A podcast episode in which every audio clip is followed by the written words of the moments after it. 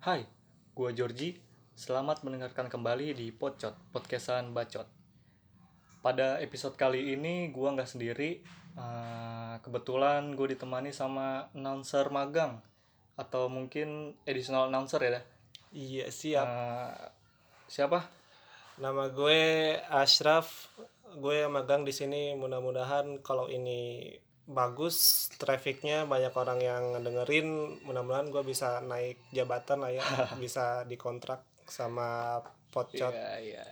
Dan gimana ya, Dang ya? Kita di episode kali ini mau ngebahas putar lingkungan ya, Dang ya. Iya betul banget.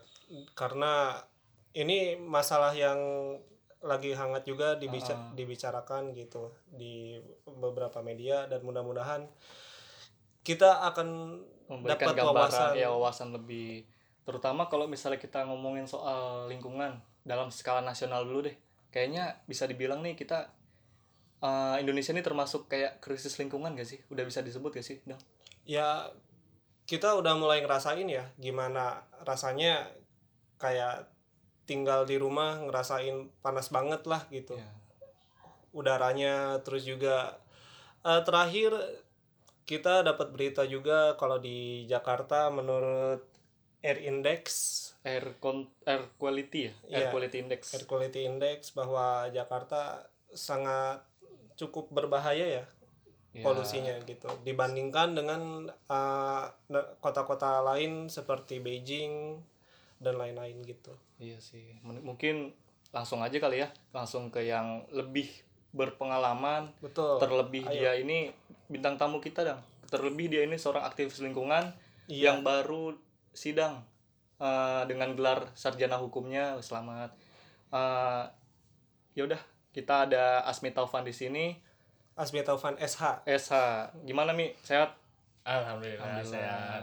Eh, kita mau saling sharing aja sih seputar mulai dari awal dulu deh kayak Boleh, boleh. eh, lingkungan nih menurut dari perspektif lu lingkungan tuh apa sih mi Oke, kalau kita bisa tarik kesimpulan ya, kesimpulan intinya aja deh. Lingkungan hidup itu kan bisa kita eh, sandingkan dengan hubungan timbal balik antara manusia dengan makhluk hidup lainnya, terlepas itu dari eh, hewan, tumbuhan ataupun benda mati sekalipun. Jadi harus adanya eh, keberlanjutan di antara mereka semua dari terutama manusia sebagai eh, pengelola pengelola lingkung- lingkungan hidup itu sendiri. Itu sih.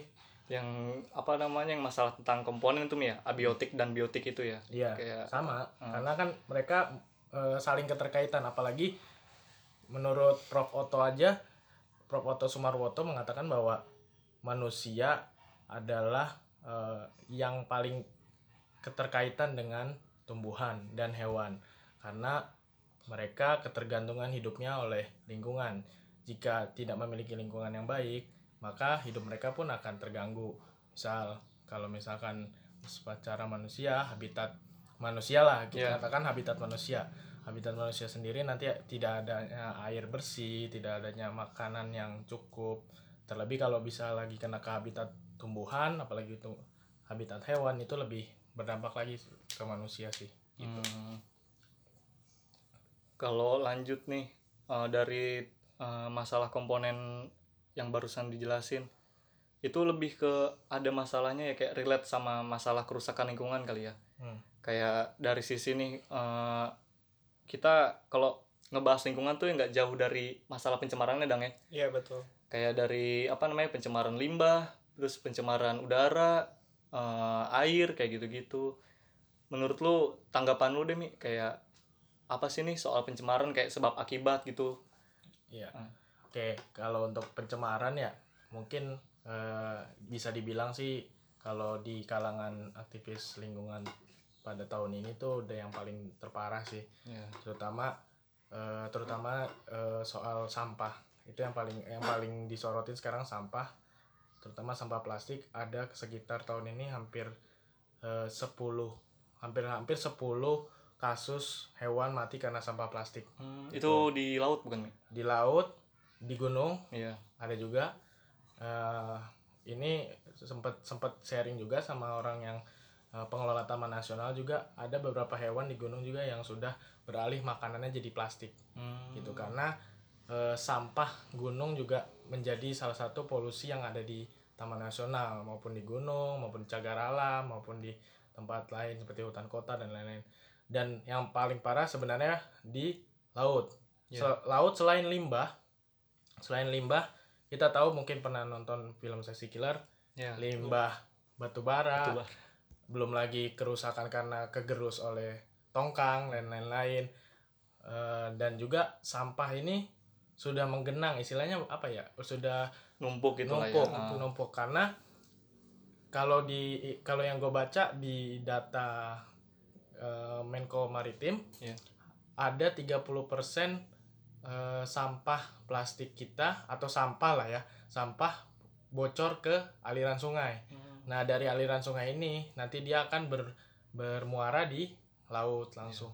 Ya, kita bisa lihat eh, kalau eh, di apa sosial media yang penemuan dari tim apa ya, tim dayung dari Jakarta kalau nggak salah pas itu eh, mereka menemukan ada banyak sampah sekitar hampir berapa mil dari pesisir pantai utara Oh, wilayah Jakarta. Muara ya, Muara Ya, Jakarta ya. Muara.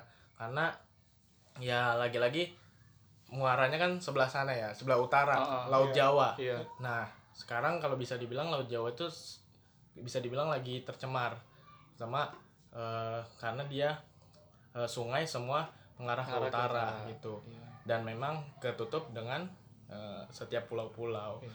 Jadi mereka hanya eh, berdiam di situ dan akibatnya pasti jadi eh, habitat yang tadinya hewan maupun gunung maupun laut itu akan terganggu Iya betul. terganggu yang tadinya makannya apa jadinya bisa makan plastik nah Jadi sedimen dari banyaknya sampah itu menumpuk semua di Laut Jawa ya? iya karena kan memang laut Jawa di, terkenal dengan laut yang tenang ya Iya. laut tenang karena diapit oleh beberapa pulau Pulau. Beda sama yang Hmm. selatan, langsung ke samudra. Ta- pertanyaan eh, muncul ketika pertanyaan gini kenapa sih hewan laut ya istilahnya hewan laut eh, kenapa mereka bisa makan sampah plastik gitu Hmm. karena sampah plastik itu sebenarnya eh, tidak menarik sebenarnya buat hewan laut.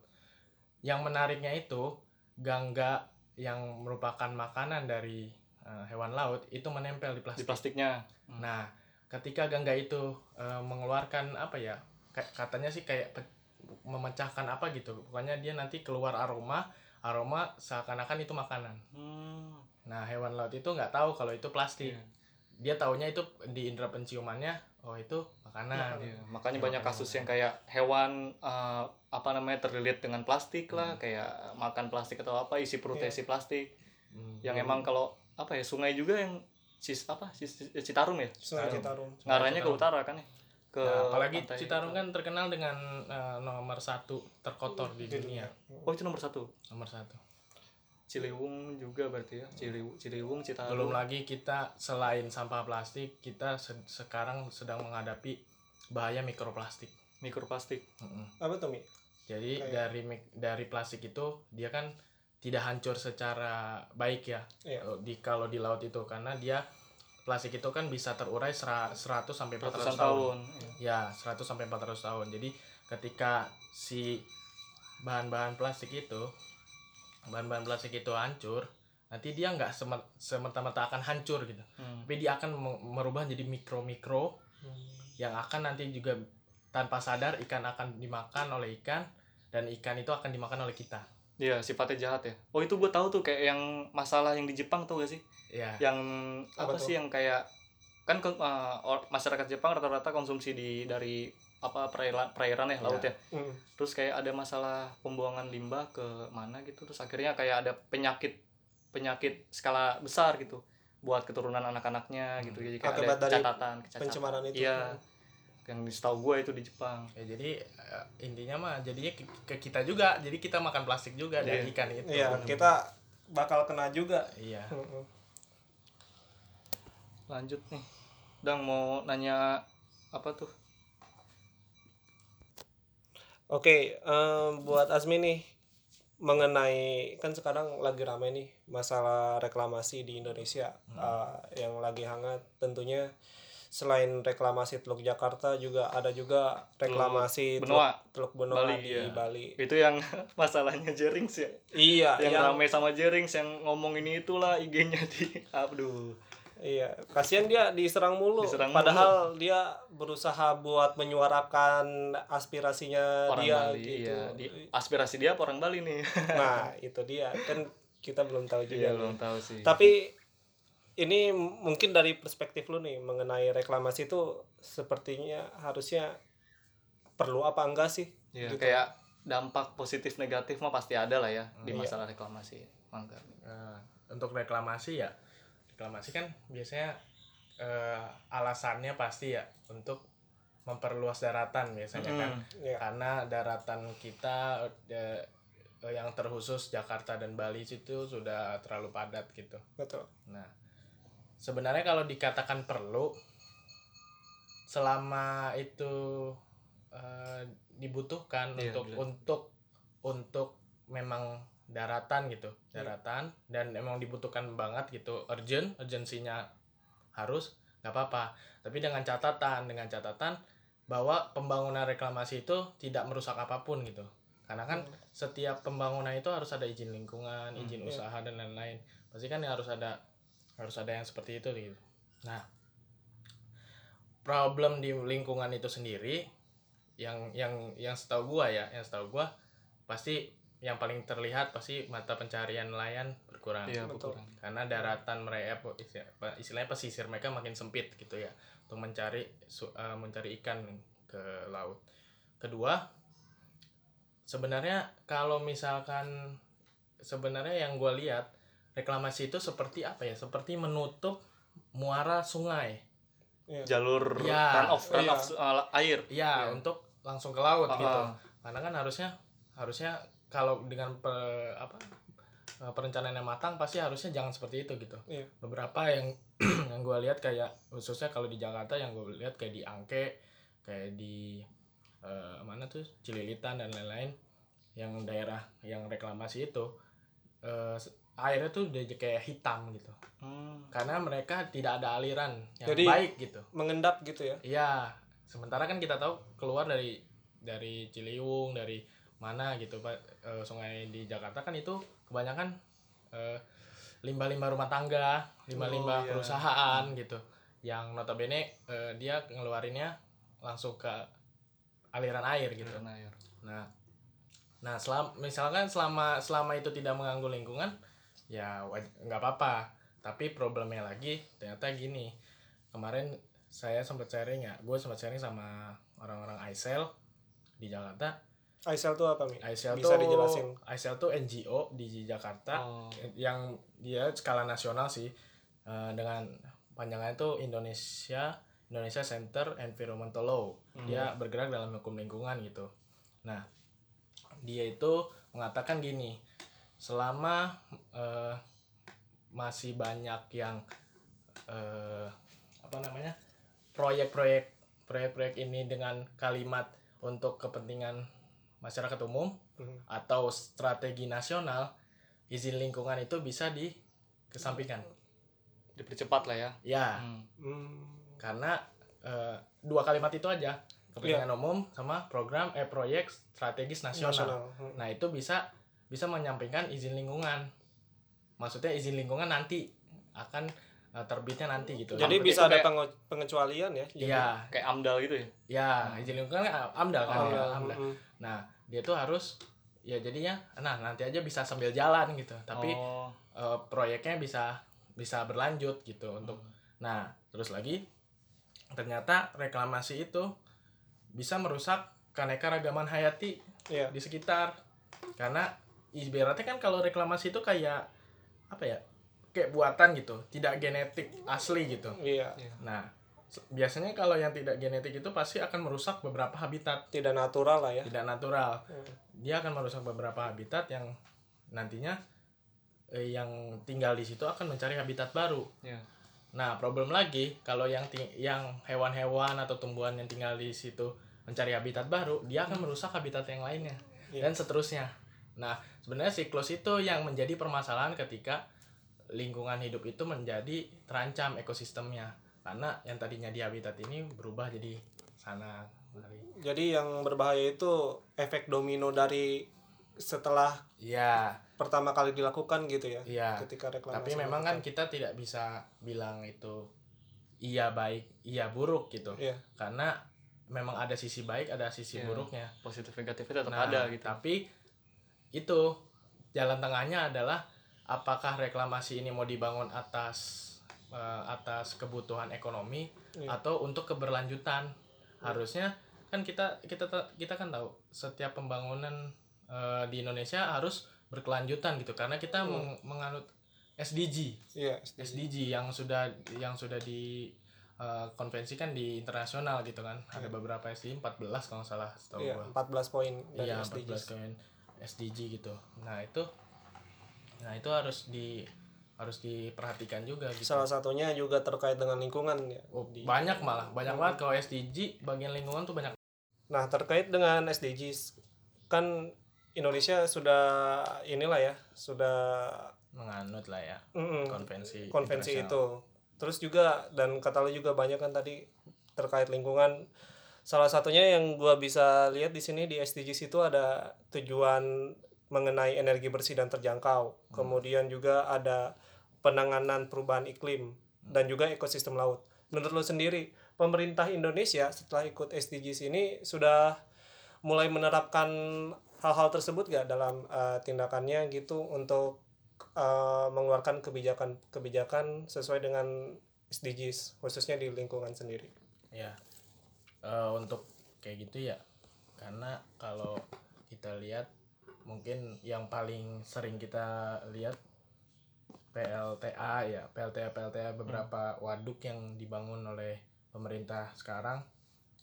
Itu kan juga mungkin menganut SDG juga gitu sebagai alternatif dari beberapa energi fosil yang Iya. selama ini di yang menguasai batu bara ya. Batu bara terus panas bumi panas bumi kelapa sawit. Kelapa sawit. Terus juga ada yang eh, PLTA apa ya eh, pembangkit listrik tenaga angin di Sidrap Sidrap. nah Di itu? Di di Sulawesi. ya? Sulawesi Oh. Selatan ya Selatan Sidrap tuh kalau nggak salah Iya, itu salah satu bentuk dari eh, implementasi. implementasi dari SDG tersebut. Cuman eh yang beberapa kali gua diskusi sama beberapa teman eh, yang terkait lingkungan ini, pemerintah menganggap bahwa EBT atau energi baru terbarukan ini termasuk air, panas, eh, air, angin, eh, matahari dan lain-lain dan teman-temannya itu mahal, tidak terjangkau. Iya. Tapi- Biaya pembuatan. biaya proses pembuatan dan lain-lain. Padahal padahal dalam kenyataannya beberapa beberapa pengusaha di bidang khususnya di bidang panel surya yang matahari itu menganggap bahwa tahun ini lebih murah daripada tahun sebelumnya malah eh, produksinya lebih murah daripada energi fosil seperti batu bara dan kelapa sawit gitu. Nah, ini juga jadi problem karena eh, beberapa pengusaha panel surya sendiri merasa beberapa peraturan PP yang dikeluarkan malah mempersulit mereka.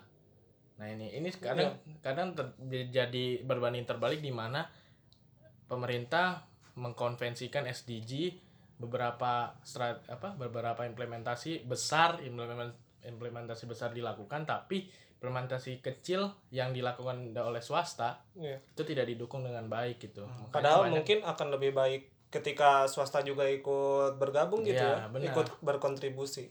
Ya contohnya kayak di yang gue tahu di mall mana ya Serpong apa BSD gitu. Mereka pakai panel surya sebagai itu sebagai eh, Sumber energinya. sumber energi listrik di mall tersebut gitu. Tapi dengan ya itu yang memakai panel surya itu dikenakan biaya Iya. biaya. Jadi ya kalau bisa dibilang PLN memonopoli listrik bisa bisa aja Iya. karena memang eh, di Indonesia yang ngurusin tenaga listrik kan hanya PLN yang lain-lainnya hanya sebagai tender dan lain-lain gitu sih tendernya dari kayak yang menteri segara segara urusan tuh. Yang punya batu bara oh iya. Oh iya. Menteri Relate. semua urusan. Iya. oh, semua orang udah ngerti lah ya. Nah jadi mungkin dari sisi alih fungsi lahan nih kan tadi kita bahas laut kayak reklamasi segala macemnya Eh, masih masih ada lah kayak ba- bahan pertimbangan dari sisi negatif sama positifnya kayak negatifnya itu mungkin eh, apa namanya terci- eh, kehancuran ekosistem laut ekosistem terganggu uh, pasti. terganggu dan uh, positifnya ya bisa jadi karena untuk kebutuhan kepentingan pu- apa umum kepentingan Iya. publik atau strategi nasional strategi biasanya. nasional itu sih nah kalau misalnya dari sekedar apa namanya dari alih fungsi laut kalau di darat tuh yang setahu gua tuh yang di ini uh, salah satu contoh studi kasusnya deh di Yogyakarta bandara ini Iya. Ini itu kan ter- uh, wilayah selatannya kan termasuk ke dalam wilayah apa ya uh, wilayah peta bahaya tsunami. Nah, jadi si gue nggak tahu tuh ya ka- karena emang beberapa artikel yang gue baca si proyek ini kan masuk ke mega proyek nasional ya ya, Iya. ya mega proyek nasional. Uh, terus karena emang dia kendala di amdalnya ini si yang tadi Asmi bilang dan proyeknya tetap berjalan, Berjalan. sampai sekarang ini udah beberapa persen gitu. jadi Sam- ada pengecualian gitu Iya, Padahal lahan pesisir itu uh, ada fungsinya kayak lahan pertanian sama lahan penahan uh, ombak Mangrove, kayak mangrove. ah mangrove kayak si apa ya pasirnya lupa gue sebutannya pasir apa gitu kayak penahan air gitu loh jadi kalau iya. abrasi. bisa bisa dibilang gitu makanya kayak uh, banyak lah konflik juga dari segi pembebasannya di bandara itu sampai sekarang nih kayak masih ada yang gitunya lah rumit kalau Ya ceritanya contohnya masih masih berjalan yang udah bertahun-tahun masih berjalan juga kayak pembukaan lahan di Kalimantan, Hmm. di Sumatera itu dengan cara pembakaran dan lain-lain itu Iya. kan meng, apa ya merusak habitat dari beberapa satwa endemik di sana gitu. kayak orangutan Mi ya Orangutan. Yang paling terbaru yang masih hangat nih PLTU yang di Lesir, yang habitat pongo. Orangutan pongo. Oh jenis dari orangutan lain. Orangutan pongo. Hmm. Nah, itu dia dia membangun PLTU di Lesser di daerah Taman Nasional. Hmm. Taman Gitu, Nasional. di daerah Taman Nasional. kenapa tahu itu ya. bisa ya maksudnya itu kan taman nasional otomatis udah ada wilayahnya dan dilindungi gitu Iya, ya dilindungi. kenapa bisa gitu ada Nah, ini ini jadi apa ya? Jadi ada mungkin izinnya gitu loh mungkin ini yang kurang dipahami oleh beberapa orang yang nggak terlalu ngerti tentang lingkungan hidup ya atau yang kurang paham. Hmm. Jadi eh, ada beberapa wilayah di undang-undang kita mengatur tentang beberapa wilayah masih bisa jadi zona pemanfaatan. Hmm. pemanfaatannya itu bisa menjadi pariwisata, Iya. terus jadi eh, apa sumber-sumber ya ekonomial gitulah, Hmm. ekonomis gitu istilahnya. Jadi mungkin ya lagi-lagi pemerintah mengatakan bahwa itu program strategis nasional. Nah dengan itu maka mereka bisa men- istilahnya menabrak beberapa peraturan lah. jadi Iya. juga uh, ya karena kutipan dari dari pernyataan tadi juga mungkin itu ada celah hukumnya kali ya jadi di Ya. situ ya mungkin ya karena alasannya taman nasional itu Taman bisa nasional, Taman nasional itu kan ada zona zonasinya masing-masing. Iya, mm-mm. terutama yang paling sering eh, pembukaan lahan itu eh, mereka berdalih itu zona pemanfaatan Zona Iya, pemanfaatan. zona ya. Zona pemanfaatan yang bisa untuk meningkatkan eh, daya ekonomis dari masyarakat sekitar ataupun pengelola tersebut gitu Iya. banyak sih kayak gitu juga karena kan sekarang banyak tuh yang di beberapa di taman nasional atau di mana gitu ada apa ya kayak panas bumi ditemukan di tengah biasanya panas Iya. bumi di tengah taman nasional jadi dia dia alihnya eh, berdalihnya bahwa itu tidak akan merusak dengan catatan akan ditimbun lagi Hmm. gitu. Jadi kayak eh, lu ngambil satu nimbun tiga gitu misalnya. Iya. tapi kan ya belum ya gitulah. Dan dampak kan- dan dampaknya juga sebenarnya juga ya walaupun nanti akan ditimbun lagi juga karena kan iya benar dampaknya nggak harus nggak bukan pada saat penggalian aja. Iya. Karena kalau ngebuka kalau ngebuka suatu proyek di dalam hutan pasti kan dia harus ada jalan. Iya harus otomatis. ada transportasi dan lain-lain. Iya. itu kan pasti buka lahan. Iya buka lahan. nah tapi ya implementasinya cuma yang yang dia tahu itu doang gitu. Tapi padahal mah se- yang lain-lainnya itu sebenarnya ngerusak. Berarti kayak ini ya, contohnya tuh kayak lumpur sidoarjo bukan sih? itu yang kayak panas bumi panas bumi ya? Yang- Sidoarjo tuh bukan ya bukan kalau Sidoarjo sih. yang mereka sampai uh berapa hektar itu kena kalau nggak salah itu mah apa ya dia dia mah pabrik gitu Pabrik itu. pabrik nggak salah. Pabrik dan itu salah pengeboran gitu. Hmm, Mm.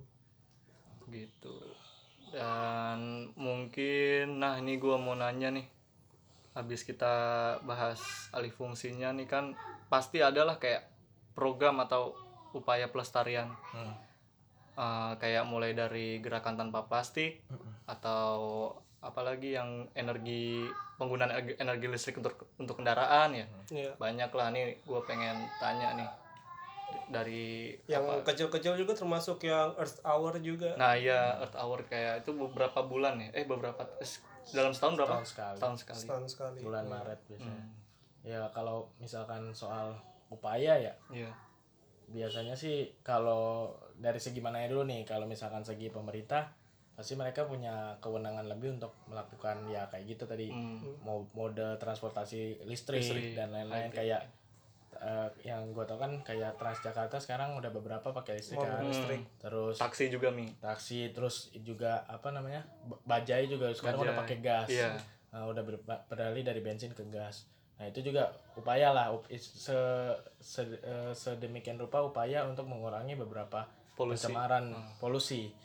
Belum lagi kalau misalkan bicara tentang plastik plastik sampah gitu ya. Iya. sampah dan plastik eh untuk implementasinya sih belum terlihat jelas karena beberapa pemerintahan maupun eh, NGO ataupun aktivis lingkungan hanya bisa hanya bisa melakukan campaign campaign sih donor karena memang untuk untuk sampah ini harus apa ya punya power lebih lah karena Butuh merubah resource besar lah ya. merubah Butuh sumber besar. mindset masyarakat itu sulit Iya, betul. karena kalau kita bisa dibilang menggunakan plastik ya seorang aja sehari bisa hampir 10 kali sampai 15 kali gitu Iya. menggunakan plastik karena emang kita lagi di era instan semua pengen instan Iya. gimana pun caranya instan gitu nah Mie instan buat anak kos. Ini buat gue itu Iya. makan double lanjut mi maaf tapi ya intinya gitu karena eh, ya pasti ada sih upaya untuk pengurangan plastik ya contohnya kayak perusahaan plastik sendiri yang di Indonesia kayak Aqua gitu yang kita bisa eh, ambil salah satu Aqua dia pun mempunyai campaign sebijak plastik Iya. gitu Aqua terus kayak KFC Iya. McDonald yang biasanya banyak ini kan mengurangi sedotan plastik dan lain-lain. Itu sih beberapa upaya. Kalau untuk NGO sendiri ya pasti tetap campaign sih biasanya. Banyak campaign ayo kita kurangin sama plastik dan lain-lain. Terus aksi biasanya aksi langsung bersih-bersih pantai Iya. bersih-bersih lingkungan sekitar dan lain-lain sih gitu. Dan beberapa opsi di opsi di apa di ditampilkan seperti pembuatan ecobrick atau pendaur oh ulangan ecobrick itu yang botol isi Iya. apa nimbukin plastik nanti bisa jadi bangku Iya, atau meja sampah-sampah Hmm. gitu ditimpuk di kan digunting-gunting Iya. dimasukin terus nanti ja- jadi disusun jadi meja ya kursi gitu iya keren tuh Mm, terus belum lagi kayak apa eh, kompos suruh bikin Oh iya, apa kompos. kompos kompos gitu Hmm. jadi Buat memang tanaman. seakan-akan kalau bisa sampah itu jangan menjadi sampah Iya. Tapi sampah itu harus didaur ulang lagi. didaur ulang lagi. Bagaimana caranya agar berguna lagi? Karena sebenarnya problem kita nggak berhenti kalau kita cuma buang sampah sesuai tempat doang. Hmm. Iya. karena data data menunjukkan bahwa tingkat sampah kita tuh naik sampai 67 ton. Dan kebocoran kebocoran sampah kita yang tadi gue bilang 30% di aliran sungai. Dan kita nomor 2 penghasil sampah terbesar di dunia 3,2 juta ton per tahun. Setelah Cina 8,8 juta ton. Iya.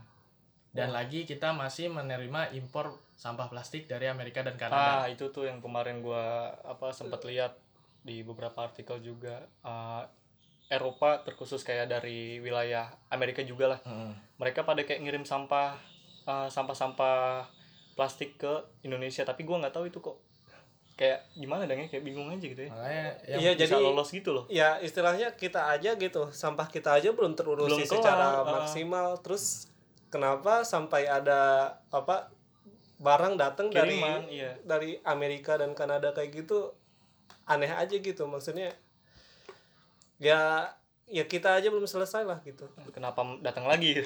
Iya datang lagi gitu ya makin makin makin banyak. Banyak Nah, lah iya, makin kita. banyak numpuk. Heeh. itu bakal ditaruh di Bantar Gebang apa? Apa di mana ya? Sekarang katanya sih udah dibagi dua sama di Sanggabuana. Sanggabuana di mana? di daerah Jakarta nggak tahu katanya. Sekarang nggak di ada karena Bantar Gebang itu kan sudah eh, kemarin dengar kabar katanya udah tingginya udah sampai 30 meter ya. Ya. Tingginya Wah, dan luasnya udah hampir satu setengah hektar kalau nggak salah itu udah udah luas banget. Dan ya makanya salah satu upaya dari pemerintah sih bangun itu PLTSA pas itu. PLTS uh, pembangkit listrik tenaga sampah. Hmm. pas itu. Yang baru di itu kan baru di apa diresmikan kemarin sama Jokowi kan? Iya. nah itu. Dan lagi kenapa ya? Istilahnya istilahnya masih bingung ya gini kita eh, selalu gencar. Termasuk juga Kemen LHK gitu. Termasuk juga beberapa kementerian meng- menggiatkan eh, jangan buang sampah sembarangan jangan pakai plastik gini gini gini gini. Tapi memang ternyata masih kita masih impor sampah tuh. Tiap tahun naik loh Kayak impor sampah. Serius. Dan Iya. kita tahun ini kita satu-satunya negara Asia Tenggara Asia Tenggara yang masih menerima sampah. Di sisi lain Malaysia Singapura Thailand eh Thailand enggak Filipina Vietnam itu sudah nolak. Hmm. tapi kita masih nerima. Jadi isi, ibaratnya naiknya kenapa? Karena mereka pada nolak. Larinya ke kita. Iya. Iya. nah, ini kayak opsi gitu akhirnya di Indonesia. Jadi numpuk aja masalah. Heeh. nah buat kalau dari selain pandang organisasi ya Mi, ya. Kayak dari global nih ada WWF terus pemerintah juga Kementerian Lingkungan Hidup NGO luar nih Greenpeace sama Nat Geo. Lu termasuk di aktif di Greenpeace juga Mi ya? Greenpeace. Ah, terus sama NGO lokal itu nah nih lu pasti banyak proyekan juga dong dari NGO lokal lu dari komunitas lu apa bisa dijelasin mungkin ada program apa nih buat di yang lu lagi lu kerjain? Ya Eh, untuk kayak yang yang banyak yang konsen ke lingkungan ya pasti kan apalagi kalau WWF ya. WWF sendiri kan emang dia konsennya hanya untuk ke satwa ya? Hmm satwa. Eh, tapi oh iya maaf nih Oh, kalau mis ah, kita bahas lingkungan juga nggak cuma sekedar di bagian apa namanya alam atau hutan ya. Tetap Betul. ada satwa juga. Iya benar. Heeh. satwa tumbuhan iya. kan flora dan fauna di Flora dan dalamnya kan. betul. karena kita sebenarnya kalau bisa diruntutkan tuh sebenarnya kita manusia itu di titik paling terendah daripada tumbuhan dan hewan, sebenarnya. Karena kita kebergantungan sama mereka kita Iya. tapi ya kita kalau juga kalau harus- he- kalau hewan sama tumbuhan hidup ya ini mah nggak ketergantungan sama manusia. Iya. Karena mereka udah punya saling saling ketergantungan gitu. Hewan makan tumbuhan tumbuhan meng- membutuhkan matahari dan air gitu. Nah itu. Nah kalau kayak NGO NGO eh, termasuk kayak kementerian gitu Ah, terlebih WWF dia kan pasti kan lebih ke hewan. Hewan ya. Beberapa hewan juga dia melakukan riset untuk per- perlindungan dan lain-lain. Beberapa juga ada konservasi bagian di WWF yang gue tahu karena kemarin juga sempat ngobrol sama orang-orang WWF Eh, dia sekarang kan lagi lagi fokus ke konservasi laut. Iya. Beberapa beberapa ya itulah dari dampak sampah plastik itu dia berusaha untuk melindungi. Ter- terutama yang dari daerah eh, Sulawesi kalau nggak salah yang daerah yang suka apa nangkepin hiu Sulawesi. Iya yang suka nangkepin sirip hiu nah itu mereka juga lagi konsen ke sana. Jadi emang kebiasaan orang sana orang Sulawesi ngambil itu ngambil hiu Iya. terus siripnya dipotongin. potong hiunya dimasukin dilepas lagi iya. dilepas lagi. Iya sih kan nggak nggak akan mungkin hidup gitu. Iya. nah itu. Terus untuk Kementerian Lingkungan Hidup sebenarnya apa ya? Kalau Kementerian Lingkungan Hidup kalau menurut gua pribadi ya agak nggak konsisten sebenarnya. Karena kenapa tuh, Mi? karena di sisi lain dia mengkampanyekan untuk begini lingkungan hidup tuh harus kita jaga gini gini gini. Tapi dia juga tetap gencar ngeluarin izin lingkungan. Oh iya. izin lingkungan PLTU baru Iya. dan lain-lain gitu. Yang yang ya gitulah yang tadi gue bilang strategi nasional dan Iya. lain-lain. Jadi ya pemerintah kan ada politi political will ya kan?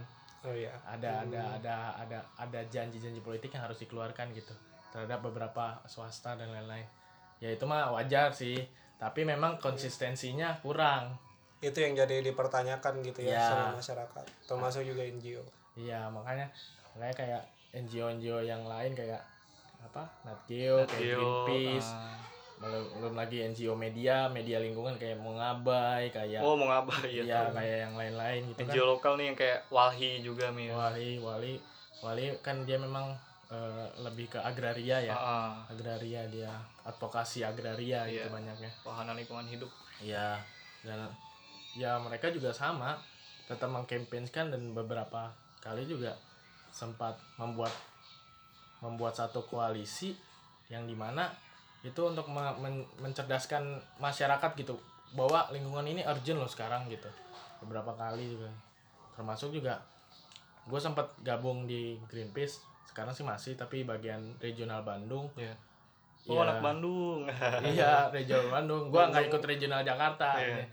Bandung pisan eh jadi eh, mereka tetap eh, karena NGO Greenpeace itu sudah mendunia ya ya istilahnya mendunia. Mereka lebih banyak ke aksi sih. Hmm. lebih banyak ke aksi dan lain-lain. Udah dapat masa juga mi ya makanya iya udah dapat masa. Dan orang udah pada tahu oh Greenpeace emang kerjaannya begitu Iya. gitu. Emang aksi tapi dengan catatan ya gitu. Mereka berusaha untuk kayak kayak misalkan yang Wilmar Wilmar. yang ngehadang ngehadang kapal Wilmar kapal kelapa sawit dari Kalimantan ke Eropa. Hmm. nah itu kan oleh aktivis Greenpeace. Oh, iya. belum lagi yang seksi killer kemarin. Mereka juga menghadang tong- tongkang-tongkang yang di Karimun Jawa kan. Nah itu itu juga Greenpeace masih konsen terhadap itu. Iya. Ber- selebihnya acara-acara biasa kayak nanam nanam nanam apa pohon di gua, gua kemarin ikut acara nanam pohon di mana tuh di Pac- di Pacet di Kertasari di Bandung Selatan gitu. Hmm. jadi eh, tetap mengkampanyekan eh, pentingnya menjaga lingkungan dari hulu Iya. kemarin tuh gitu. Di International Forest Day. Nah belum lagi yang yang lokal ya. Yang lokal kebetulan gua kan eh, tergabung di lindungi hutan regional Jabodetabek ya Iya. Jakarta Depok Tangerang Bekasi dan juga gue bagian humasnya jadi eh gue memang project terdekat sih emang penanaman karena tahun ini ada tiga penanaman kemarin sudah raut bumi eh, di di mana di Muara Gembong Iya. untuk untuk itu untuk menahan abrasi yang ada di sana yang setiap tahunnya hampir 30 cm abrasi dan udah memakan berapa daratan gitu. Iya. memang ur- urgent banget. Dan kami eh, kita ya kita dari LHJTP udah udah nanam berapa kemarin? Seribu seribu bibit mangrove. Seribu bibit. seribu bibit mangrove. Dan eh, selanjutnya sih kita ada project Agustus pas pas kemerdekaan memperingati kemerdekaan. Jadi kita ada tagline hutan merdeka. Dan mereka di mana kemerdekaan hutan itu adalah tanggung jawab manusia Iya, Iya. pastilah. Makanya dari- Mantap. eh, apa namanya? Oh ya yang tadi apa namanya? Kapan tuh Mi yang program terdekat lu? Yang Ya. di daerah mana gitu yang bisa mungkin ada yang mau pendengar yang mau ikut juga mungkin. Iya, proyek terdekat sih Hutan Merdeka ya dari LH Jabodetabek di tepatnya di Hutan Kota Serengseng, sih, Hutan Kota Serengseng. Jakarta Barat. Iya. Nanti di situ kita kita sharing tentang hutan, kita sharing tentang eh, ekosistem yang baik eh, hutan dan pentingnya menjaga ruang terbuka hijau di ibu kota Iya. gitu. Karena kan kalau melihat data 2019 RTH di Jakarta itu udah tinggal 9%. Wah iya itu bangunan semua. Iya, udah Gila, udah hutan RTH-nya. kalau bisa dibilang hutan beton lah. Iya hutan beton. Padahal harusnya 30 ya. Iya, Kalau nggak salah 30 persen 30 persen minimal kota harusnya. harusnya. Makanya ini lebih seneng ngebangun beton daripada nge- nge- nanam pohon. Asik. gitu Iya. sih. Ya sempit sih sih. Walaupun memang segitu hutan kota Serengseng tuh udah paling terbesar hutan kota di Jakarta 15 hektar. 15 hektar. Ya udah deh. Eh, terakhir nih Mi, Hmm. pesan manis atau pesan penutup dari lu Ya apa tuh kira-kira pesan Pesannya ya? singkatnya iya. ya, jangan bilang bumi udah ngasih apa sih sama kita gitu. Tapi eh, kita harus tahu diri juga gitu. apa yang kita kasih buat bumi. Oh itu aja sih. Siap. luar Kalau biasa banget. dari Asraf sendiri deh ada Apa mungkin tuh? ada pesan juga dari soal lingkungan ini? Intinya sih sebisa mungkin kita harus bisa merawat lingkungan dari hal terkecil dulu deh. Ya minimal jangan buang sampah sembarangan itu aja dulu karena masih banyak banget orang-orang di luar sana tuh kayak hal kecil aja habis di mobil gitu habis makan buang ke jalan gitu kan Iya. atau ya kita kadang kan suka males lah ya Ya, karena mager. tong sampah jauh gitu Iya. padahal bisa juga kan kita taruh di Kantongin dulu, kantong iya. di kantong dulu gitu baru kita nanti simpen di di rumah gitu kayaknya lu nyindir gue dong ya banyak sih temen-temen yang kayak gitu Oh, ya iya. gua ngerokok ya lagi dari rokok ya ya puntung rokok aja kan tinggal Oh, itu gua, gitu. Dang. Da- Sorry, Dang. data bilang iya. putung rokok sekarang sampah terbesar loh aduh oh iya selain plastik hati-hati Iya. Jo ya udah eh, mungkin kurang lebih itu aja sih dari gue juga tadi sama kayak Asmi sama si Ad Asraf eh, kayak mulailah mengurangi eh, untuk di- maksudnya mulailah untuk disiplin dalam membuang sampah dari hal-hal terkecil lanjut ke mengurangi penggunaan plastik kayak lu beli minum nih eh, usahain gak usah pakai sedotan lah kayak bukan SJW ya ini ya Iya. kayak mungkin lebih SJW ya, biar menghemat pengeluaran plastik juga. Ya udah gitu aja deh. Udah agak lama nih kita nggak kerasa Nggak banget kerasa ya, ya. Eh, gua Georgie dan di sini ada aktivis lingkungan kita saya Azmi ada announcer magang gua gue Ashraf Nah, sampai berjumpa lagi di edisi atau episode selanjutnya di Pocot Podcastan Bacot. Bacot.